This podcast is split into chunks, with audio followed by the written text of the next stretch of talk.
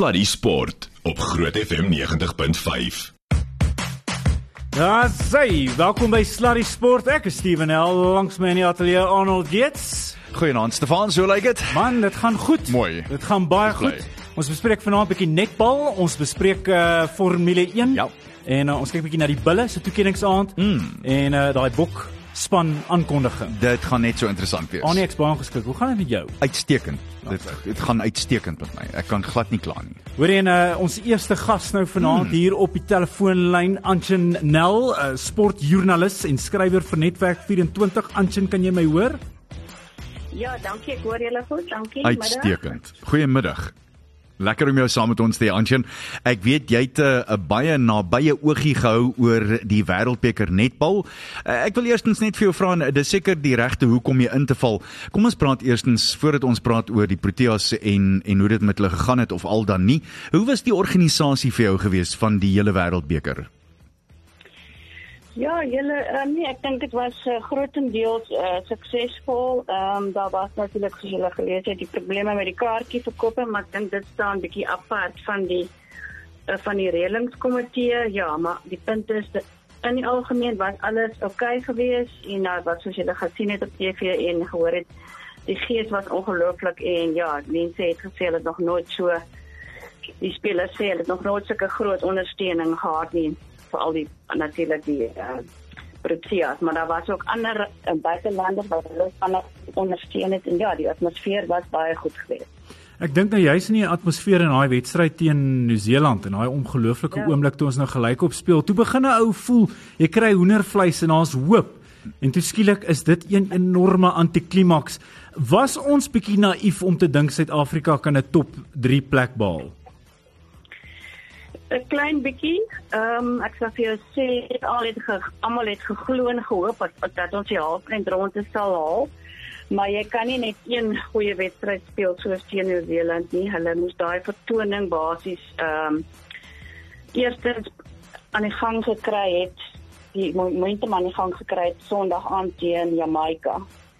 As hulle so teen Jamaica gespeel het, dan was hulle week baie beter dan het hulle nie nou hulle self so onder druk geplaas nie.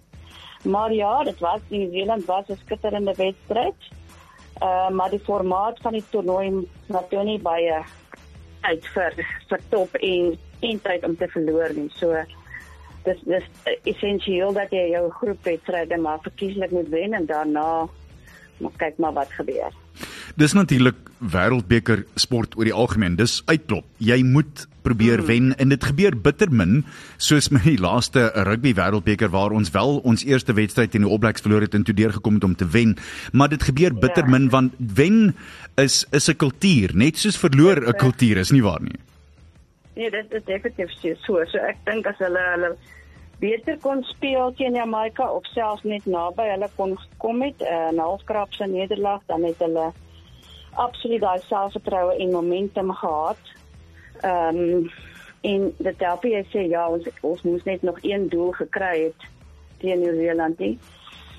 Ja, dit was 'n skitterende wedstryd, maar jy klop nie sommer vir Nieu-Seeland nie en Mm. dit het ehm um, dit het hulle die hele die hele vertoning, die skitterende spel wat hulle gelewer het, het hulle net 1 punt in die sakkie gebring. So dit is ongelukkig nou maar hoe dit is.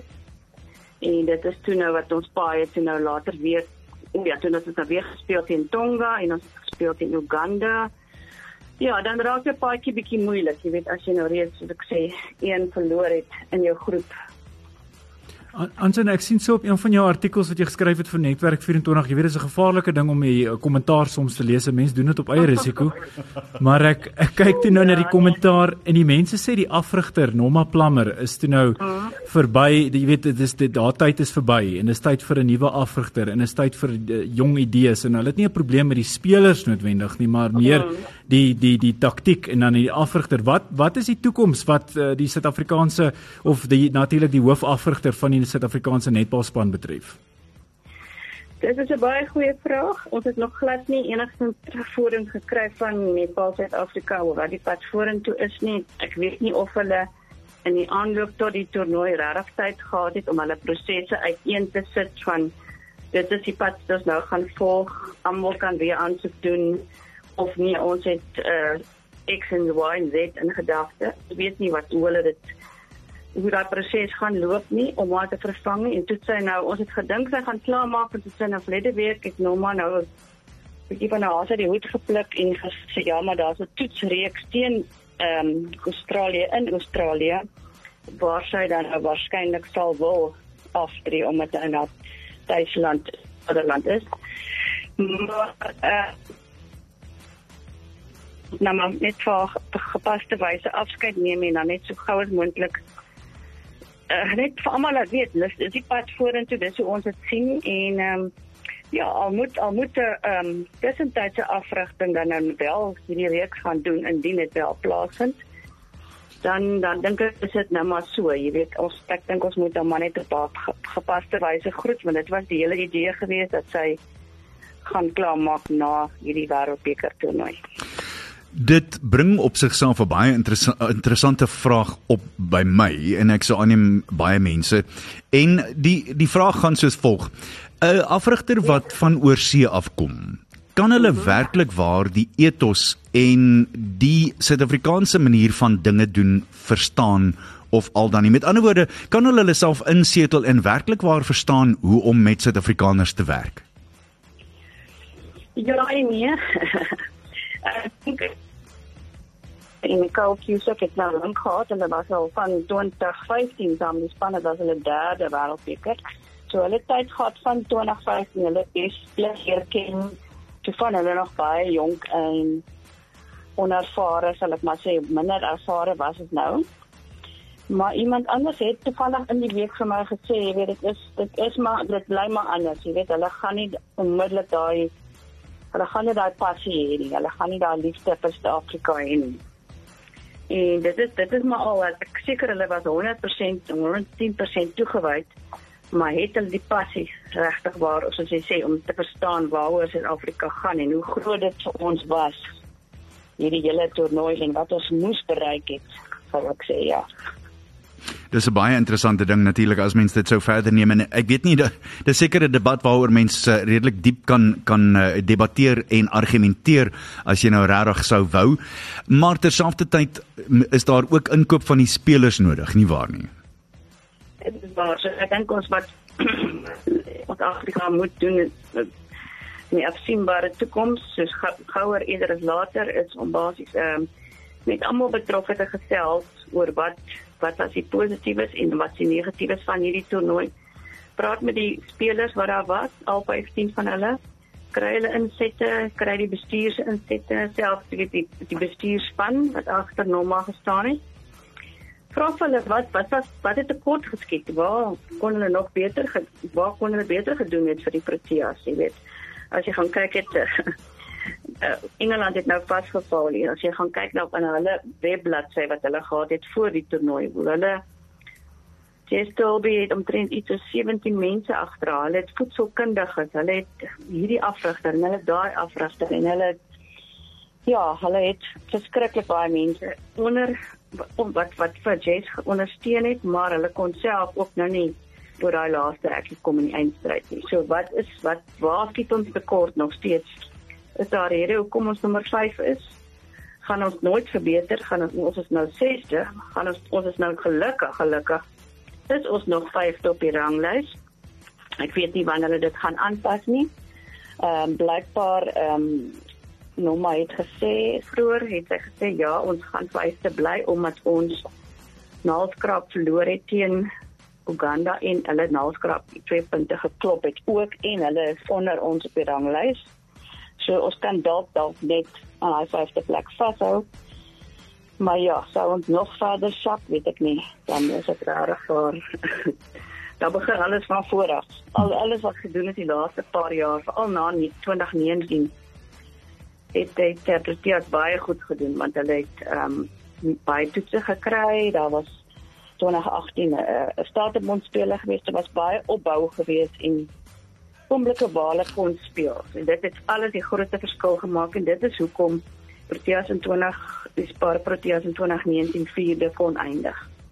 Antjie antwoord jou eie vraag, wat was die positiewe wat jy dink die Proteas kon uit hierdie toernooi uithaal? Nee, daar was baie definitief baie goeie oomblikke, skitterende oomblikke soos jy nou gesê het in Nieu-Seeland as ons nou net die tyd nie uitgeloop het, kon ons dalk dalk nog verras het en dan kon ons soos ek sê ons baie anders gelyk het. Daar is definitief baie sterk spelers wat na vore gekom het. Ek is baie opgewonde oor ons jong ehm um, Elm Day van der Berg en Nicole Taljaar. Self in die winter is nog steeds maar 28, so hy kan nog baie loop ongelukkig het Denise Potgieter nou verseer gewees hy kon nie net reg was ons impak maak nie ons het haar nodig gehad maar in haar afwesigheid het ehm um, die jong doele reg waar hulle oomblik aangegryp en ja hulle het dit koel en kalm gedoen en was ook baie verbaas met ons 38-jarige verdediger Pumzama Weni sy het uitstekend gespeel en mens moet beslis vir haar in die toekoms gebruik om te help slyp aan ons verdedigers dieselfde met Carla Pretorius. Shedin, jy kan hulle almal opneem. Hulle almal moet basies kan die volgende geslag help. Ons weet nie wie gaan nou uittreë wie nie. Uh dit is wirklich te vinnig om nou te sê, maar hulle moet almal definitief behou word in die stelsel en die jonger geslag leer. Ek dink wat wonderlik is wat jy so noem is hierdie name en wat hmm. ons nodig het in netbal veral om die sport te laat groei is om hierdie name te vestig. Uh, dit klink nou uh, na 'n vreemde stel, sin wat ek nou maak maar jy weet dat hulle moet as glanspersoonlikhede gevestig word ja. daai helde heldinne want ons praat almal van ons uh, Cheston Colbys en ons Damian. Willems is ons weet dadelik wie's daai mense en hulle verskyn op die voorblaaie van die tydskrifte maar ons het nodig dat hierdie dames se name bekend is en dat hulle daai dekking geniet ja. want dat meisies kan opkyk na hulle en dink wow ek wil ook eendag in daai uitrusting wees en op daai baan speel. Want andersins is die mense nie ja, bekend is nie, dan hoe weet ons nou vir wie ons moet skree? Hulle het ek moet vir jou sê, hulle almal is nou al bekend. hulle was nou al en verskriklik baie uh, publisiteitsveld tog hulle was op meer as uh, so baie TV programme gewees. Ek dink wat dit is wat goed wat goed is self nadat hulle verloor het, ehm um, was die die die, die toeskouers was gaande oor hulle net absoluut gestorm net om uh, hulle handtekening te kry. Ek dink hulle ek dink daar was 'n goeie stap gewees. Ek dink hulle is regtig waar nou gevestig as bekende name glo vir my. Ek dink hulle is baie baie geliefd al het hulle verloor. Ek wil ook graag by jou weet wat dink jy gaan die effek wees oor die volgende 2, 4, selfs 6 jaar vir netbal in Suid-Afrika as gevolg van die Wêreldbeker? Wat dink jy?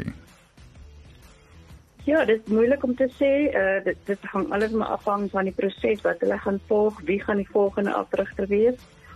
Wie gaan haar hulpafrigters wees? Wie, soos ek gesê het, wie gaan uittreë wie nie? Maar mens hoop dat mens die goeie momentum kan voortbou.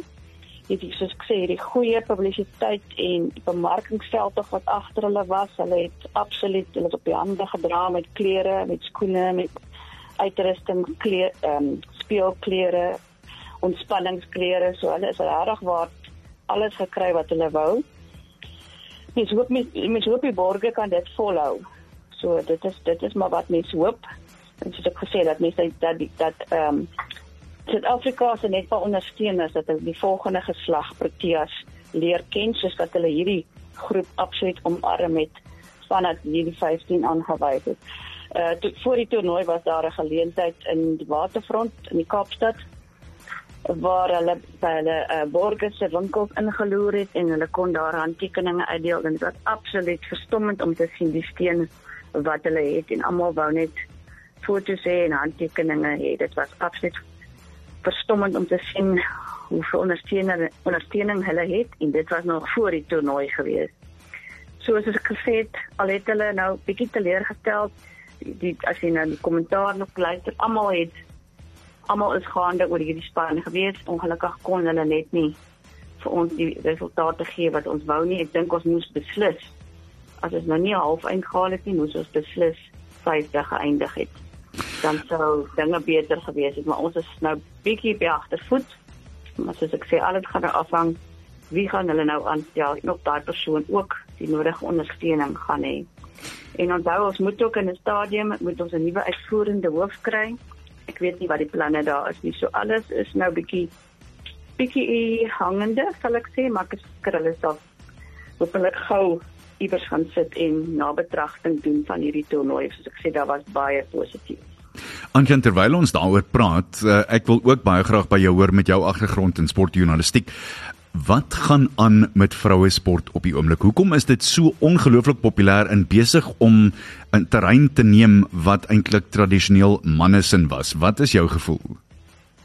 Ja, dit is absoluut 'n verstommende jaar wat ons nou het, soos ek gesê het, ehm um, veral supersport en ook SABC, ISIK het absoluut omarm met al hulle al hulle programme wat hulle aangebied het in die aanloop tot die toernooi. Ehm um, ja, ongelukkig vir vir Banyana, Banyana het hulle 'n bietjie ver gaan speel, maar ek ek dink ons het nog steeds baie van hulle wedstryde gevolg en gesien hoe hulle gevaar het.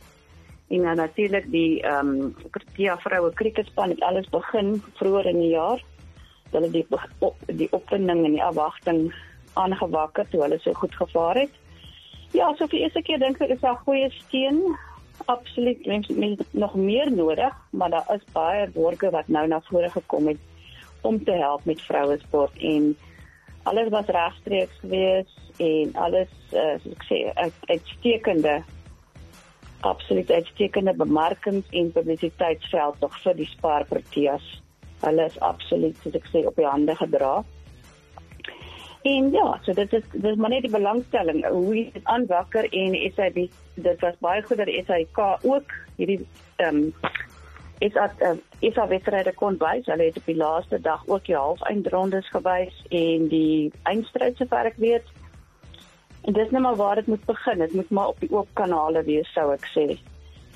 Maar ja, dit is 'n ongelooflike jaar vir Suid-Afrikaanse vroue sport. Die mense loop maar net, mense kan hier voortbou en dit almal net kan hande vat en saamwerk en gaan reguit met mekaar praat en sê hierdie was die tekortkominge, maar hierdie was die positiefes. Anchen, hoorie baie baie dankie ah. vir jou tyd. Uh, uh dit was nou regtig lekker om van jou te hoor en dankie vir die moeite wat julle doen van die media se kant af mm. om hierdie hierdie tipe toernooie lewendig te hou. En uh ja, uh, voorspoed daar. Ek sê voorspoed, maar daar is nie soveel voorspoed nodig het in die Kaap nie. Nee, dit gaan so goed daar. Hoorie Anton, ja. uh, baie dankie vir jou tyd en uh en 'n lekker ons verder. Dankie vir gesels julle. Mooi bly sy hoor. Goed. Bye bye. Dit was Antonel van uh, Netwerk 24 en 'n uh, sportjoernalis. Bly ingeskakel ons gesels met Sasha Martiningo is 'n klein rukkie. Ons praat Formule 1. Sluddy Sport op Groot FM 90.5. Dit was so lekker om netbal te gesels en nou gesels ons uh, aan die ander kant van die sportspektrum, die vinnige kant, die werklike vinnige kant. And it's a pleasure to have uh, live on the line uh, someone that I consider to be one of the most knowledgeable people about Formula One, not just in South Africa, but in the world. Sasha Martinengo, my old mate, so nice to have you on the air with us. Thank you for your time. I really appreciate it, Sash. Ah, Always a pleasure to speak to you, and thanks, thanks for the very kind words. I and I really mean it. I honestly do. It's not just because you said yes to be our guests on Slotty Sport here at Groot FM. Uh, Sash, I, I do want to just ask you this. I, I watched, uh, was it two weeks ago, and I was again astounded at the speed that the guys hit uh, at, at it just 329, 330 k's an hour, and then they back down and they run about 180, and, and it just I, I I was so astounded at how quickly one's brain has to work to process everything when you are in the cockpit of an F1 car. It is extraordinary, uh, and, and I'm actually so glad you brought it up because I think there are so many people who just think that oh well, it's just a car. um, but uh, these are, are, are, supreme athletes as well as supreme machines, mm. and they have their their their reaction time has, has got to be in milliseconds because if they miss a breaking point by five meters, yeah. Arnie, then you know they're in trouble. So I mean, these guys are a full concentration um, on on you know incredibly fast and dangerous circuits. Uh, Sasha, now looking at the log at this stage, the points: Max Verstappen 314, uh, Sergio Perez uh, 189, Fernando Alonso 149. Now I know changes have been made to to equal the playing field, but somehow Red Bull didn't get that memo. What's going on there? yeah. No, that's for sure. Uh, and Max definitely didn't get that memo. I mean, Max Max could, at the end of the season, most probably score more points than uh, than all of the other teams combined. I mean, you know, uh, Red Bull have produced uh, a marvelous and incredible vehicle this year, um, which has caught everybody wanting. And um, and on top of it, they they've most probably got one of the greatest racing drivers the, the sport has ever seen in, in Max Verstappen. The, this guy is truly um, a very very special racing driver. Sasha, I do want to talk to you about that, and at the risk of getting technical, but please feel free to do so. What do you think has been, from a technical point of view, the Red Bull's uh, ace in the hole, so to speak, from from a car point of view? Well, you know, everyone is, is trying to decipher what Red Bull have actually done.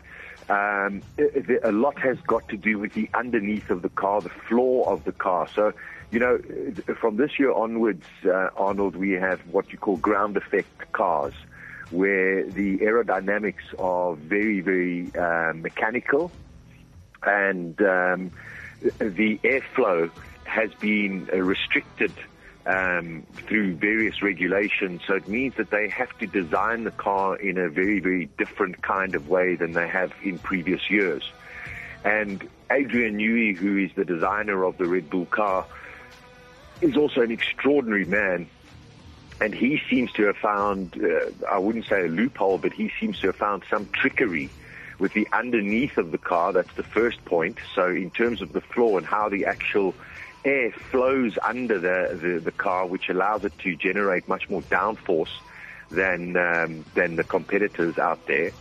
And then secondly, they have uh, in Formula One, we have the DRS system, the drag mm. reduction system, which is the opening of the um, rear wing flap, which um, causes less drag and gives you higher top speed, and that uh, very much assists when you are doing overtakes um, down long straights. And uh, some somehow, you know, uh, uh, when you look at all of these cars, you think, I mean, how complicated can it be? but clearly, clearly, he's he's managed to do something that is allowing air um, from maybe the underneath of the car and the diffuser of the car to shift its way up and, and give the car more more power. If if I knew the answer to that question, believe you me, uh, be a rich I'd, man. I'd, I'd, I'd be I'd be writing my own check. I think. oh come on, you still do, Sash. Don't be modest.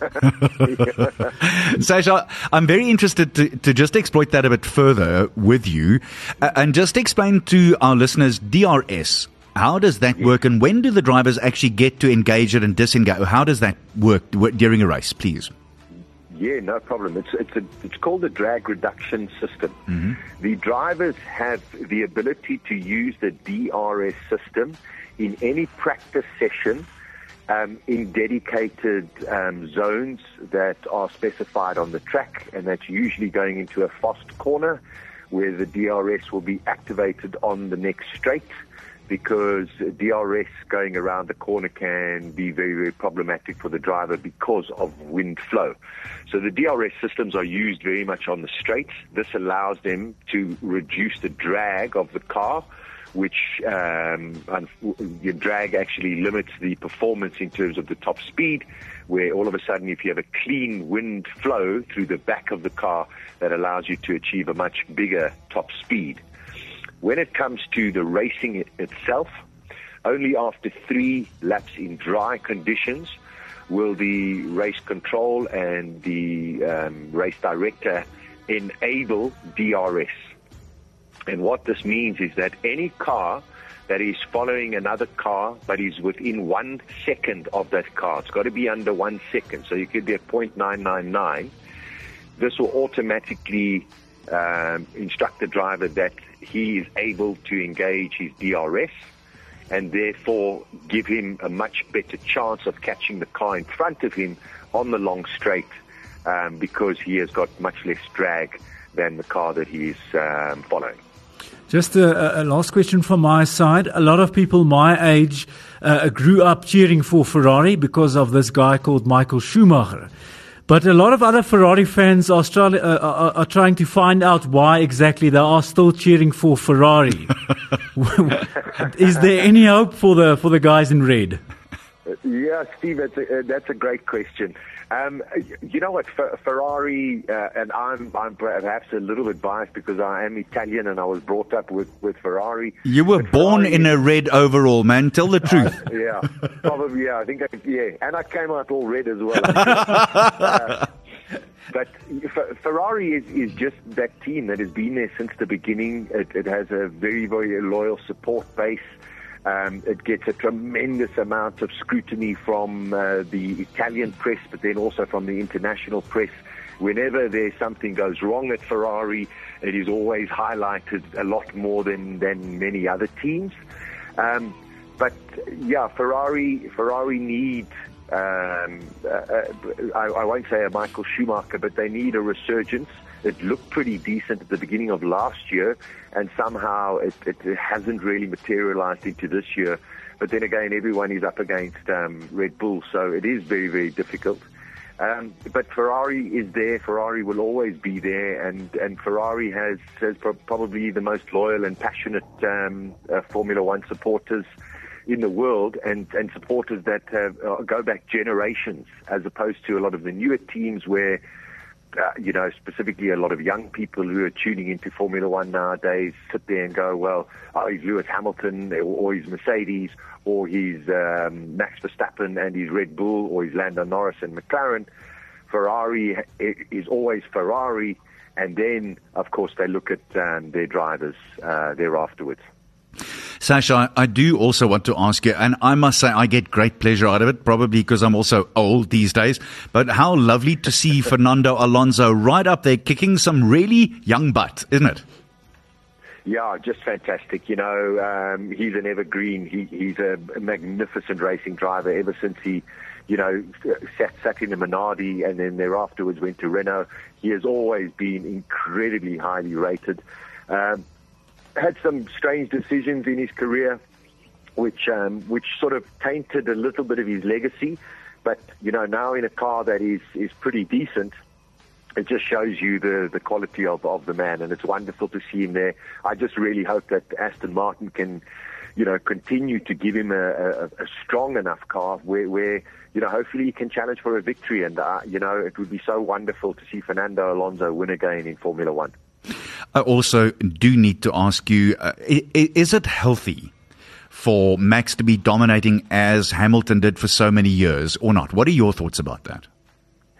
Yeah, I, I think that you know such a debatable um, point uh, for, for for those who who are sort of relatively new to the sport and and specifically in in the uh, Mercedes and and Lewis Hamilton era, um, just loved the fact that Lewis Hamilton was there and it was Mercedes and they were dominating, and of course you, everyone who supports the team loves it until all of a sudden your team starts losing.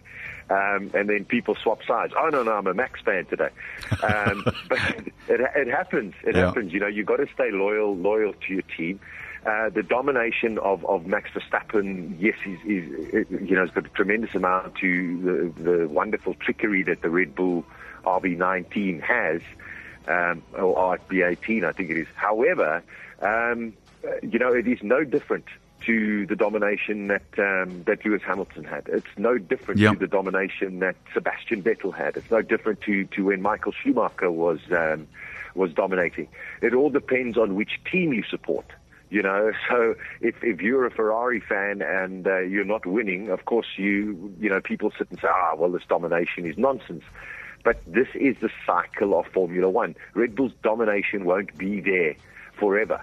Um, and they've got to maximize it um, while they have this, this opportunity, just as Mercedes-Benz did for, for eight seasons. So um, whether it's good or bad for the sport, uh, I, I think the true passionate people of, of Formula One sit there and also understand that Formula One can be very unpredictable as reliable as these cars are nowadays, um, uh, with the safety aspect of, of uh, motorsport uh, in general as well, um, you know, anything can happen in Formula One, and you can be on the last lap and something can go wrong. So there's always that element of unpredictability with, with Formula One, and I think that's what um, you know keeps everybody uh, hopeful that that you know Max won't win uh, every single race.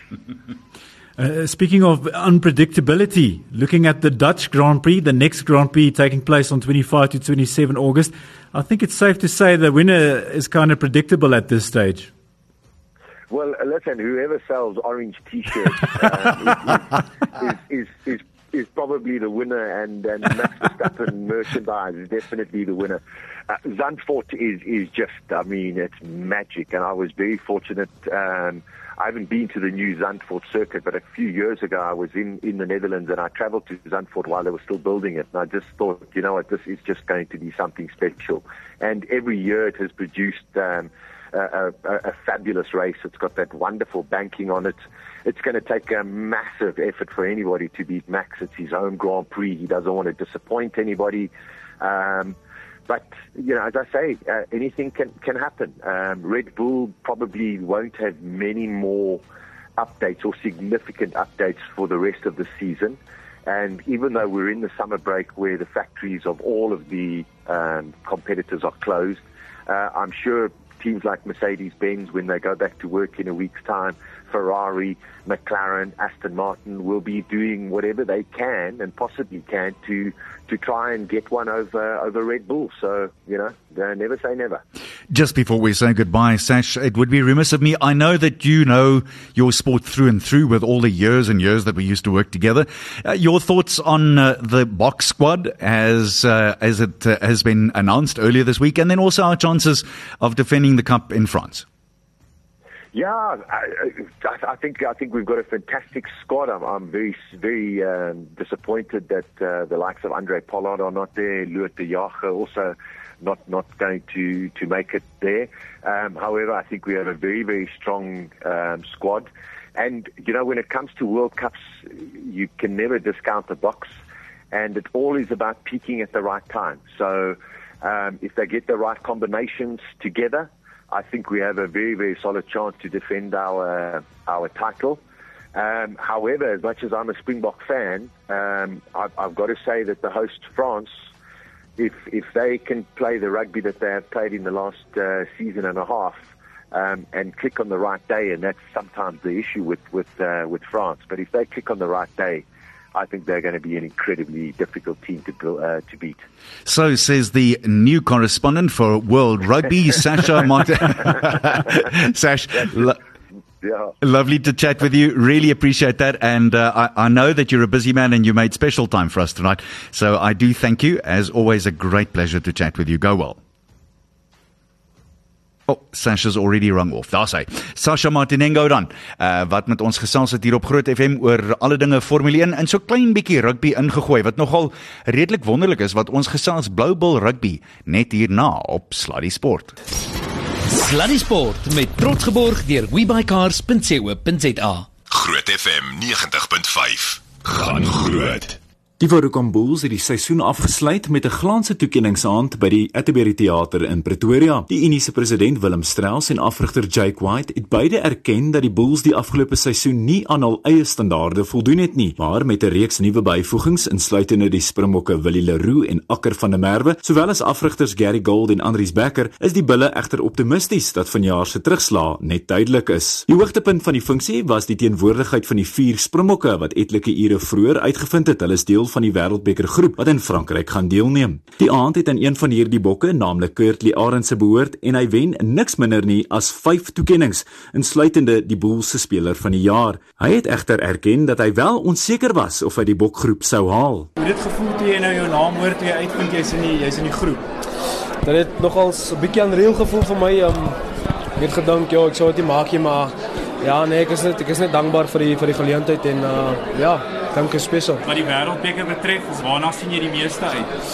Om eerlik te wees, net om die die oomblik te geniet en uh, ja, en en in die presence te wees. Nog 'n blink parel vanuit die Kaap is die 20-jarige Kane Moody. Moody word die tweede jongste bok ooit wat deel vorm van 'n Wêreldbeker groep en hy vertel hy was effe senuweeagtig in aanloop tot die aankondiging van die Wêreldbeker groep. Ja, baie stressvol geweest obviously die dag leading up to to the announcement wat baie stressvol weet jy of jy in is of uit.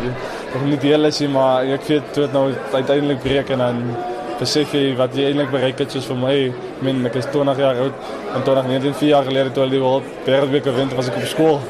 So nou 4 jaar wat jy my gesê het daartoe dat in 2023 gaan ek deel wees van die wêreldbeker span wat die trofee gaan gaan verdedig. So is is regtig spesiaal en ek kan nie meer dankbaar wees vir die posisie waar ek in is nie. Sê gou vir my, ehm um, daar's heelwat ouens van die van die Parel of van die Kaap of wat bo kom speel op skole vlak. Uh wat sal jy sê, wat is die geheim? Hoe maak mense dit nou tot by daai baadjie? Ek dink is is is maar elkeen ons storie is anderste. Jy weet, uh, niemand se storie is dieselfde nie, maar ek meen vir my is dit net gewees om my gebruik maak van elke geleentheid wat jy kry. Ek meen ons ons kom met die Parel as met as jy ver gaan weg van die huis af en self altyd lekker, maar dan jy die geleentheid kry om om om iets te doen, maak gebruik daarvan en doen doen die meeste wat jy kan met dit. 2022 is 'n jaar wat Marco van Stading vinnig sal wil vergeet, maar dit lyk of hy uiteindelik die beseringsspook verjaag het en hy is opgewonde om die reis na Frankryk mee te maak. Ehm uh, ja, nee, dit was maar ehm uh, 2022 was 'n moeilike jaar. Ehm um, maar ja, ek is ek is dankbaar vir die geleentheid. Ehm um, en dit was 'n groot voorreg en groot eer om om betrokke te wees en nou gekies te word vir die Wêreldbeker. Ehm um, so nee, ek is baie dankbaar en ek sien uit vir die vir die vir die Wêreldbeker en vir die geleentheid wat ek gekry het. Dit is immers vroue maand en die Bulls se professionele aanslag teenoor vroue rugby is iets wat Springbok loskakel Libby Janse van Rensburg baie opgewonde maak. Sy het meer hieroor vertel sowel as haar mikpunte vir haar eie loopbaan. Weet jy die toekoms op hierdie stadium lyk absoluut fantasties. Ek dink die bulle wys net presies wat kan gebeur as die mense investeer in vroue rugby en agter ons begin staan. Dit wys jou net ons is myle voor die ander spanne en dit is as gevolg van die feit dat ons dames nou professioneel gekontrakteer is. En ek dink dit is nie die begin van iets absoluut wonderlik. Ek meen as jy kyk na wat ons SA dames ook doen, ons speel nou in Oktober in die World 15 toernooi in die Kaap en dit gaan ook 'n massiewe toernooi vir vir ons wees. Dit is in die Kaap, dit is 'n tuistoernooi. As die mense daar ook kan uitkom, dink ek gaan hulle kan sien wat vroue rugby is en wat dit in die toekoms dalk gaan word. En en wat is jou goals vir jou jou jou, jou ja, jou goals vir jou eie game? My eie game, ek is nog 'n baie jong loskakel eintlik. Ek het net 2 jaar terug begin speel in 15s op nommer 10. So ek figure dit maar nog uit in elke game wat ek speel. Ek dink ek het nog baie om te leer, veral um net die die spasie sien agter my besluitneming kan definitief ook verbeter. So ek gaan maar net elke game in om myself te verbeter en ek kyk regtig op na ouens uh, ouens soos Morney Stein ek meen hy speel al jare lank en ek het al skouers met hom met hom gestamp daar op lofte. So meen sulke spelers is regtig iets my om na op te kyk en ek hoop dat ek vir jonger meisies Volg ons op Instagram grootfm90.5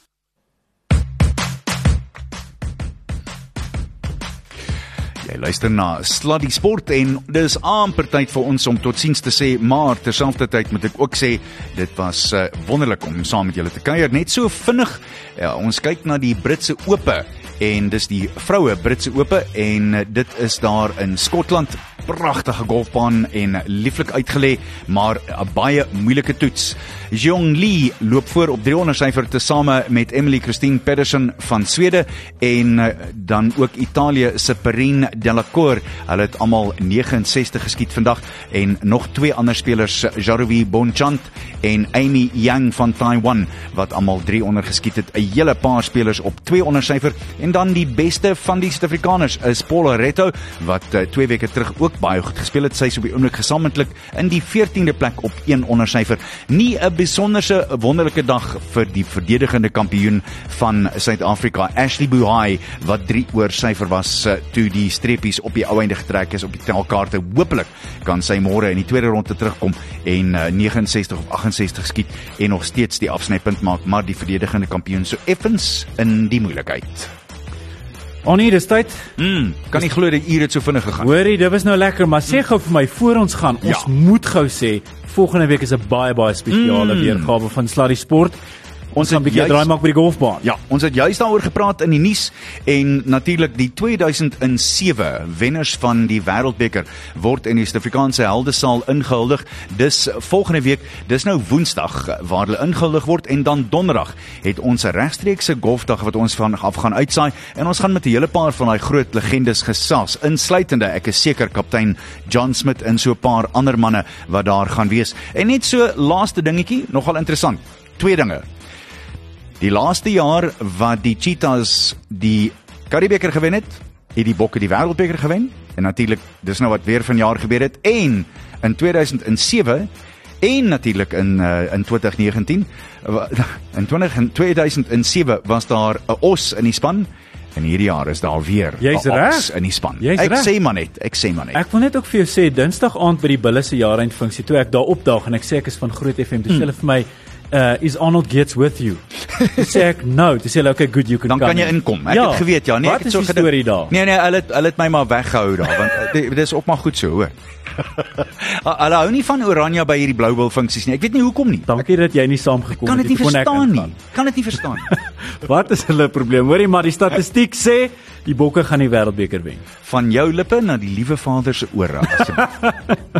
Nou ja, twee, dit was Sluddy Sport. Dankie vir die lekker saamkuier. Volgende week 'n baie spesiale episode. Jy wil dit nie misloop nie. Donderdag om 6uur. Arnold Gates, dankie. Selfde. Ons sien Lekker. mekaar weer volgende week. Mooi bly. Tot weer sins. Bye. Yes. Sluddy Sport op Groot FM 90.5.